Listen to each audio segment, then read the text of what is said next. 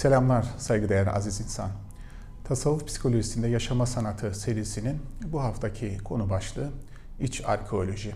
İç arkeoloji kavramını e, tasavvuf psikolojisinde insanın iç dünyasına yapacağı yolculuk için e, kullanıyorum aslında. Hz. Mevlana'nın çeşitli metaforlarından e, elde etmiş olduğum ve eserlerinde de kullanmış olduğum bir e, kavram. Şimdi e, tasavvuf psikolojisinde insanın e, kendi iç dünyasına yapacağı yolculuk aslında e, insanın e, her insanın insan olan herkesin yapacağı en temel birinci vazife. Çünkü insan görünen varlığından fazlası kabul edilmektedir. Aslında bu bütün düşünce sistemlerinde böyledir. Günümüzde kişilik için kullanılan hani personality İngilizce'deki kelimeyi düşünelim. Kökeni Latince'deki persona kelimesinden e, gelir. Yine her zaman yaptığımız gibi metodumuz üzere kelimelerin hafızasına başvuruyoruz. Çünkü kelimeler e, insandan e, çok daha bilgelik içeriyor.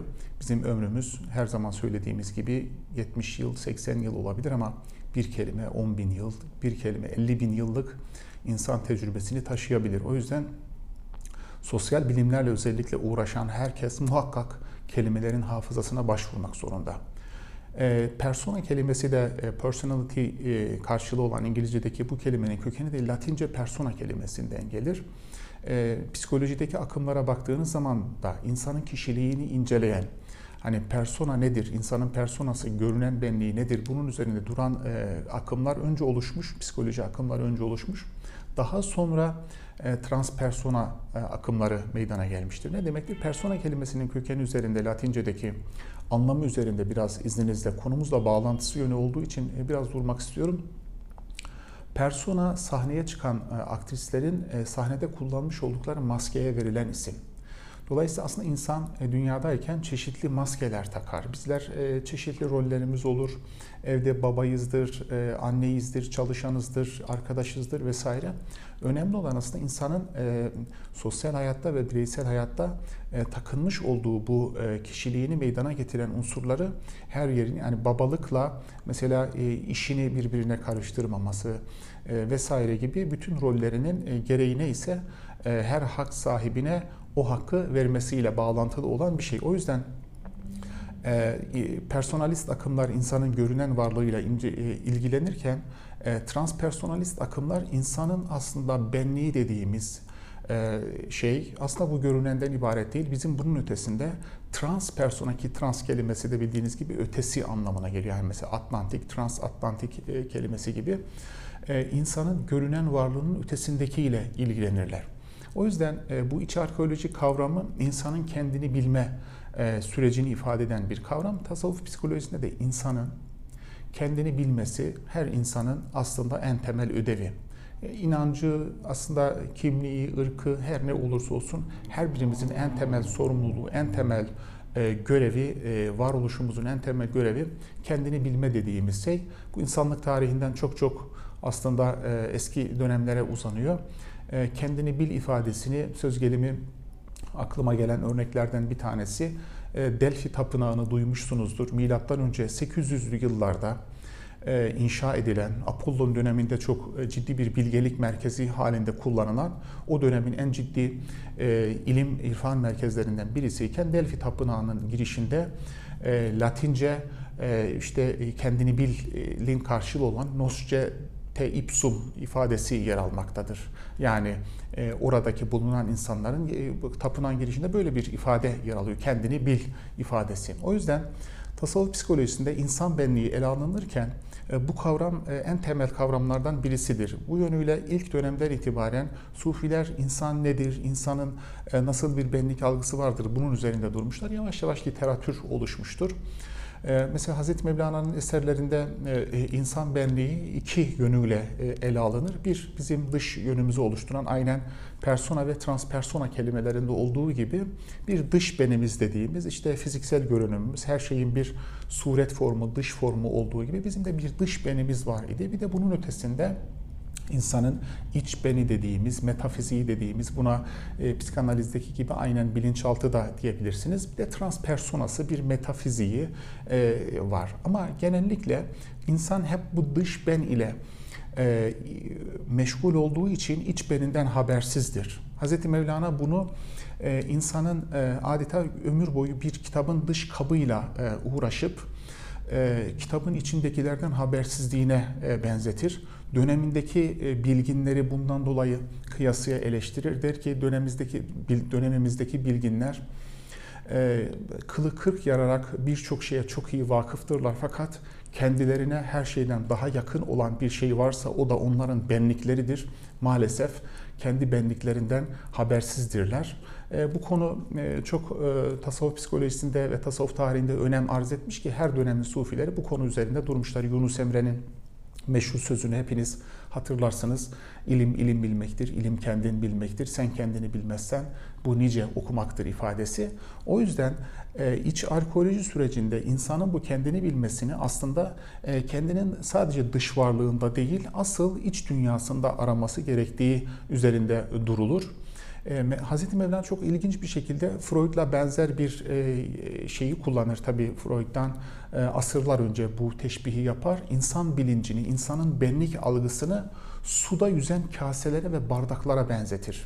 Kavram Jung'un kolektif bilinç kavramına benzer. Jung da kolektif bilinci bir yönüyle bu anlamda kullanır. Tabi burada e, disiplinler arasında e, karşılaştırma ve mukayese yaparken çok dikkatli olmalıyız. Çünkü e, her disiplin e, kendi e, dayandığı bir arka planla işler. O yüzden yüzeysel benzerliklerden de, yüzeysel benzetmelerden de ha işte Mevlana'da bu var, Freud'da bu var, Jung'da bu var, bu e, Mevlana'da bu var tarzında yüzeysel benzetmelerden de e, kaçınmamız gerektiğini düşünüyorum. Çünkü Freud'un e, dayandığı anlam dünyasıyla hani Mevlana'nın Mevlana'nın e, dayandığı anlam dünyası ve e, prensipler bakımından aralarında e, hayli fark var. Ama şunu da söylemek lazım. Bütün bu insanlar insanı anlama üzerine e, insanı anlama üzerine kafa yormuş insanlar. E, insan tecrübesinden her nerede olursa olsun bu tecrübeden istifade etmemiz gereği bakımından da e, bir de kavramların günümüzdeki anlaşılabilirliğine katkısı bakımından yer yer bu benzetmeleri kullanacağım. Ama kullandığım bütün bu benzetmelerde lütfen ifade ettiğim bu hususları göz önüne almanızı isterim. Hz. Mevlana insan bilincini, insanın benlik algısını suda yüzen kaselere benzetir. İnsan e, kase bir okyanusta yüzerken, bir denizde yüzerken teşbih, metafor tamamen Mevlana'ya aittir. E, kendisinin bir okyanusun parçası olduğunu anlayamaz. Ne zaman ki e, kaseniz denize batarsa bir bütünün parçası olduğunu anlarsınız. O yüzden insan da kendisinin bir bütünün parçası olduğunu anlayabilmesi için kendi iç dünyasında yapacağı bir iç arkeolojiyle mümkündür. İnsan aynı zamanda e, doğanın bir parçası. Bildiğiniz gibi biz suyu toprağın yüzeyinden değil de daha derin katmanlarını kazarak, sondaj yaparak elde ediyoruz. Hazreti Mevlana bunu da kullanarak yakıtları yine e, e, yer kürenin daha alt katmanlarından elde ediyoruz. Hazreti Mevlana bu örnekleri de kullanarak insanın kendi yaşam suyunu, hayat enerjisini ve iç dünyasında gizli olan o iç beni, ezeli ben dediğimiz o e, ilahi sonsuz potansiyeli ancak kendi iç dünyasına yapabileceği bir yolculukla e, bulabileceğinden bahseder. Der ki sen de şu su e, toprağı kazıp su çıkarmaya çalışan insan gibi ol, iç dünyana yolculuk yap der. E, ancak bu yolculuğu genellikle insan dış dünyaya, e, dış dünyadaki bazı şeylerle, bazı arayışlarla e, habersiz bir şekilde sürdürür. E, Mevlana bunu e, atının üzerindeyken atını arayan e, süvari örneğiyle an, anlatır. Aslında Mevlana'nın Mesnevi'de anlattığı e, bir e, hikaye var. E, Simyacı romanını hepiniz e, okumuşsunuzdur. Brezilyalı yazar ve gazeteci Paulo Coelho'nun Simyacı eseri de aslında yazar bunu çeşitli mülakat ve röportajlarında Mesnevi'den hikayenin ana kurgusunu ve mizansenini aldığını ifade eder. E, biliyorsunuz e, e, hikaye simyacının e, olay örgüsü de aynıdır. Mevlana da işte e, Mısır'da yaşayan birisinin Bağdat'ta bir rüya görmesi üzerine Bağdat'a bir hazineyi aramak üzere gider. Ondan sonra Bağdat'ta bir e, şey bulur, e, harita bulur ve haritayı okutan, e, haritayı anlayan birisine haritayı yorumlatınca haritada hazinenin e, gömülü olduğu yerin kendi evinin altı olduğunu anlatır. Hazreti Mevlana bu hikaye bize şunu için anlatır aslında. Her birimizin hazinesi ki nedir bu hazine? E, bu hazine e, tasavvuf psikolojisinde e, yere göğe sığmadığı bildirilen ki ifadenin aynısı bir e, e, kutsi hadis denilen bir ifadede geçer. E, ben yere göğe sığmam ancak mümin kulumun kalbine sığarım denilen kenzi mahfi denilen bütün varoluşu meydana getiren ilahi sonsuz potansiyel ve bu sonsuz potansiyel her bir insanın iç dünyasında var. O yüzden Hz. Mevlana her bir insanı birer Meryem'e, her bir insanın iç dünyasındaki bu gizli olan hazineyi de insanın İsa potansiyeline benzetir ve insanın bu iç dünyasına yönelmesi gerektiğinden bahsedilir. Neden peki insan iç arkeoloji yapmak zorundadır? Peki bazen de şunu da yaparız.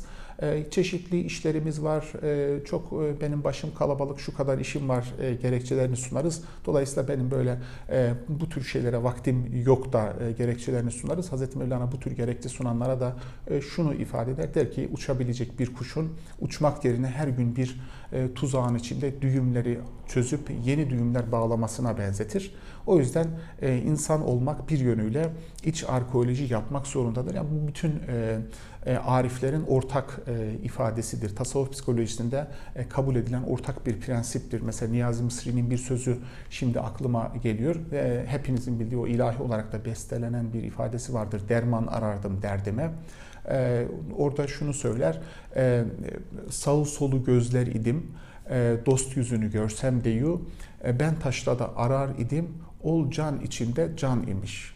Yine Yunus Emre'nin bir ben vardır, benden içeru e, ifadesi aynı hususu ifade eder. Dolayısıyla insan kendi iç dünyasına bir e, kazı yapmak zorunda, bir iç arkeolojiyle yolculuk yapmak e, zorundadır. Neden böyle bir yolculuk yapmak e, zorundadır? Çünkü insanın aslında e, dünyada sahip olduğu ve büründüğü roller bir yönüyle e, geçicidir. Bu yönüyle e, insanın bu dışarıdaki benliği ölümlü bir benliktir fakat iç dünyasındaki ezeli benliği ölümsüzdür. Yine Yunus'un bir ifadesiyle bu hususu ifade edelim. Ölen hayvan imiş, aşıklar ölmez der. Dolayısıyla insan iç dünyasında yapacağı bu yolculukla bir yönüyle kendi içindeki cenneti ortaya çıkartır. Cennette e, Kur'an'daki tasvirlerde de ilginç bir ifade kullanırız sürekli. E, Kur'an-ı Kerim'deki cennet tasvirleriyle ilgili şu ayetlerin e, her birinde şöyle bir tasvir vardır. Tecri min tahtihimul enhar. Onların ayaklarının dibinden, e, altlarından ırmaklar akar. Hz. Mevlana da bu ırmakları aslında e, insanın e, ancak kendi iç dünyasından bulabileceğini ifade eder. Dolayısıyla lezzet insana dışarıdan gelmez, iç dünyasından gelir üzerinde durur. Neden peki? Bir diğer gerekçesi şudur aslında insanın iç dünyasına gitmesinin. Bunu dijital dille söyleyelim. Hani şimdi günümüzde bir bulut uygulaması var dijital dünyada. Cloud dediğimiz e, yazılımlarınızı, datanızı, şirketinizin datası olabilir vesaire bunları donanımınızdan donanımınızın çünkü bilgisayarınızın başına bir şey gelebilir vesaire buluta çıkartıyorsunuz. Bulut uygulamasına çıkarıyor. Çeşitli şirketlerin, çeşitli dijital şirketlerin bulut uygulamaları var. Buluta çıkar diyorsunuz. İnsanın ezeli benliği de kendi e, adeta bulutu gibi. İnsan varoluşunun yazılımını, yapıp ettiklerini, her şeyini bu bulut uygulamasına çıkardığı zaman o da orada adeta yok olmaktan kurtuluyor. Çünkü ister istemez bizim bu geçici benlik dediğimiz, büründüğümüz benlik algıları eninde sonunda Yunus Emre'nin dediği gibi e, hayvan imiş yani canlılık tarafımız ki e, kelime hayvan kelimesi canlı demektir. Canlılık tarafımız, biyolojik tarafımız doğa gibi bir araya gelecek ve yok olacak. Ancak enerji yok olmaz. Fiziksel bir yasadır. Dolayısıyla insan kendi ön yargılarıyla oluşturduğu, aklıyla, bilgisiyle bazen oluşturduğu bir algı dünyası örer kendine. E, bu algı dünyasını genişletmek için de iç arkeoloji e, gereklidir. E, bu arada yine kelimenin e, bir e, köküyle ilgili bir e, uyarıda bulunmak isterim. Akıl kelimesi, Türkçe'de kullandığımız şu anda akıl kelimesi yine Arapçadan Osmanlıca'ya oradan dilimize geçmiş bir kelimedir. Akıl kelimesinin sözcük anlamlarından bir tanesi ikaldir. İkal e, bağlayan ip anlamına gelir. Hatta işte Arapların o dönemdeki develeri e, bir yerden deve düşmesin filan vesaire diye, uçurumdan filan düşmesin diye e, ayaklarını bağladıkları ipe de denir. Yani biz aslında dünyada başımıza bir tehlike, bir şey gelmesin diye aklımızla e, bir takım önlemler filan alırız ama her insan e, bir müddet sonra kendi aklıyla koymuş olduğu tedbirlere, bir müddet sonra kendi kendini bağlayan ön yargılarıyla bağlanan bir hale de dönüşmüş olur. İç arkeoloji bu anlamda insanın kendi ön yargılarından özgürleşmesi, ön yargılarınızı açtınız, algınızı açma diye ifade edebiliriz iç arkeolojinin bu sürecini. Daha sonra bunu tecrübe ediyorsunuz, düşünüyorsunuz, hissediyorsunuz. Ondan sonra e, geniş bir açıdan olaya bakıyorsunuz genişliyorsunuz adeta. Ondan sonra genişleme sonucunda tekrar sizde bir algı açılıyor ve bu süreç böyle döngüsel bir süreç sürekli devam ediyor. Algınızı açıyorsunuz, tecrübe ediyorsunuz, düşünüyorsunuz, hissediyorsunuz, genişleme oluyor. Tekrar bu sizde başka bir algıyı açıyor ve bu süreç böylece devam eden sonsuz bir helezon gibi devam edip gidiyor. Kısaca iç arkeoloji üzerinde bunları ifade edebiliriz. Hepinize saygılar sunuyorum. Hoşçakalın.